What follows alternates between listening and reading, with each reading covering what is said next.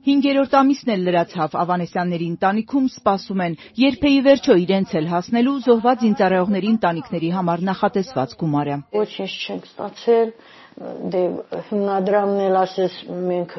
իրենց իրեն փողը կտանք, միջև հիմա չեն տվել։ 44-ամյա Գևորգ Ավանեսյանը պայմանագրային էր զոհվեց սեպտեմբերի 19-ին Շուշիի տակ։ Նրա ծնողները, կինը, երեք երեխաները Ստեփանակերտից Հայաստան են հասել իրենց հետ տեղափոխելով միայն Գևորգի մարմինը։ 44-օրյա պատերազմի ժամանակ Հադրութի Քյուրաթաղից էին Ստեփանակերտ փախել։ Մեկ մի անգամ Հադրութ թողեցինք, մի անգամ Ստեփանակերտ թողեցինք։ Երեխաս վերցրեցինք, եկեք։ Գևորգի կինն ասում է դեռ հոկտեմբերին են դիմել զինծառայողների ապահովագրության հիմնադրամ, հույսով, որ հատուցումը չի ուշանա։ Ասեցին որոշում չի կայացրել։ Պետքա պետությունը Փաշինյանը որոշում կայացնի, հետո նոր Որտեվ ասել են այն այրվածքները մեկ մերը իրար հետ բանը, արի իրար խանգարում են ստացել, ասում պիտի նրանց ճանաչեք։ Ընտանիքում լսել են սեպտեմբերի երկորյա մարտերին հաջորդած բենզինի պահեստի պայթյունն է տվյալներն իրար խառնել։ Պիտի ապացուցվի, որ Գևորգը զինծառայող էր, մահացել է մարտի ժամանակ, պայթյունի վայրում չի եղել։ 3 օր առաջ ոստի է գնացել, դեռ մենք չենք էլ տեսել։ Վերջի օրն է որ զանգել է, գիշերն է զանգել, իրան կնոջ վրա է զանգել, ես այն զանգն էլ չեմ լսել։ Բայց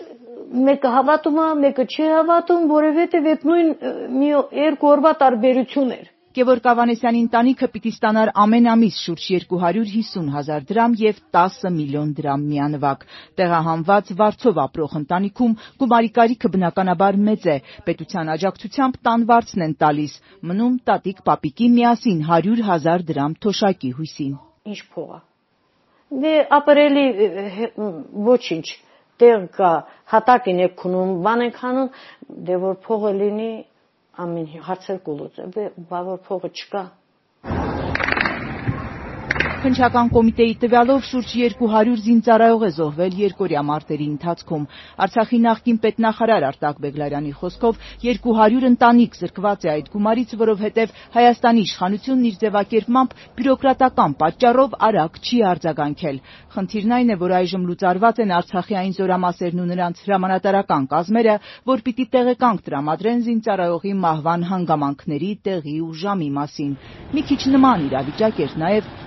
44-օրյայից հետո։ Մենք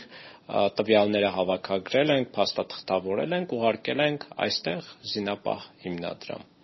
Հիմա քանի որ չկա, իրենց մոտ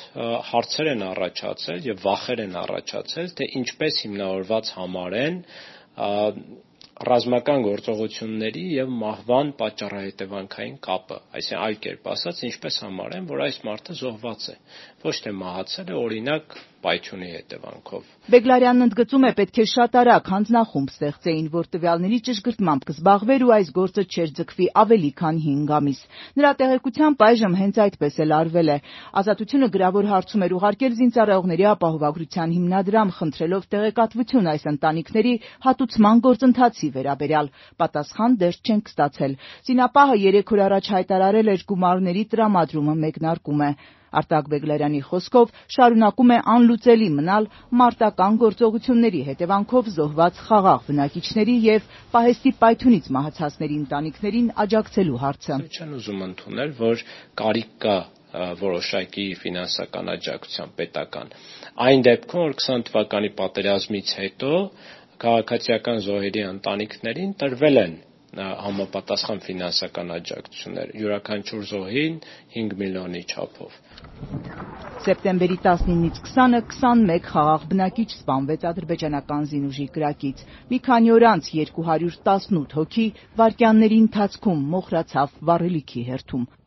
Սուսան Բադալյան, Ազատություն ռադիոկայան, Երևան։